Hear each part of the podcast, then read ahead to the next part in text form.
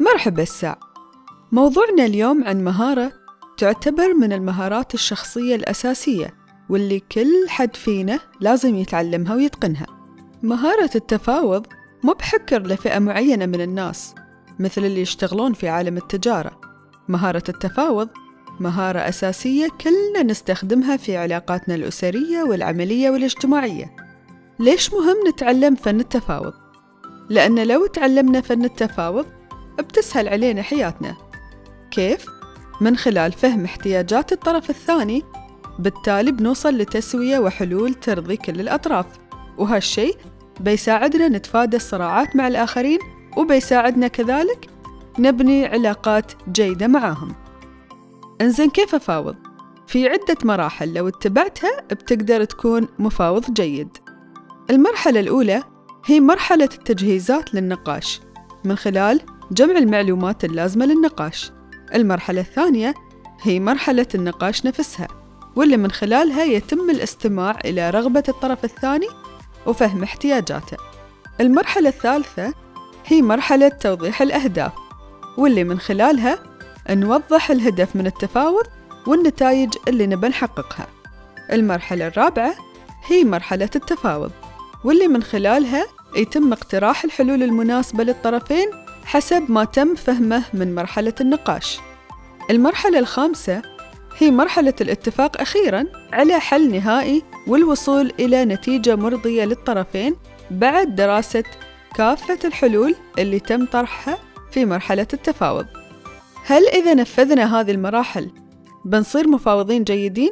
نعم، بس مو قبل ما نطور بعض الصفات والمهارات الشخصية فينا، مثل مهارة الاستماع. عشان تكون مفاوض جيد لازم تكون مستمع جيد. لأنك تحتاج تفهم شو اللي يباه الطرف الثاني عشان توصل معاه الحل مرضي. الصفة الثانية وهي سعة الصدر. لازم يكون عندك سعة صدر وطولة بال في فهم الطرف الآخر وعدم مقاطعته بشكل انفعالي خلال النقاش. الصفة الثالثة وهي المرونة. لازم تتقبل أن التفاوض مو بكل مرة بتكون نتيجته لصالحك وأنك لازم تكون مرن في تقديم بعض التنازلات مقابل الوصول لحل وسط. الصفة الرابعة هي القدرة على التحكم بالعواطف. لازم تتعلم كيف تتحكم بعواطفك، لأنك إذا خليت عواطفك هي تسيطر عليك فبتوصل لنتيجة ما تخدمك من خلال هذا التفاوض. وممكن حتى توصل لمرحلة أن الطرف الثاني يتحكم فيك إذا كان هو ذكي في إدارة عواطف الغير. الصفة الخامسة هي اللباقة في الكلام. من خلال احترام عقلية الطرف الثاني واحترام رغباته واستخدام اللغة المناسبة بدون إثارة غضب الطرف الثاني. طبعا هذه مجرد أمثلة من بعض الصفات اللي لازم يمتلكها المفاوض الناجح. وأنا متأكدة أن كلنا مرينا بمفاوضات في حياتنا خلتنا نطور جوانب في شخصياتنا تساعدنا أن نكسب المفاوضات الجديدة. وأخيرا قيم نفسك بعد كل عملية تفاوض تدخل فيها. وشوف شو اللي ممكن لو غيرته كنت بتأدي بشكل أفضل. من خلال هذه التقييمات المستمرة لنفسك بتعرف شو اللي تحتاج تتعلمه وتطوره في نفسك. وحط في بالك التفاوض الناجح هو اللي ينتهي بالوصول إلى حل يرضي جميع الأطراف.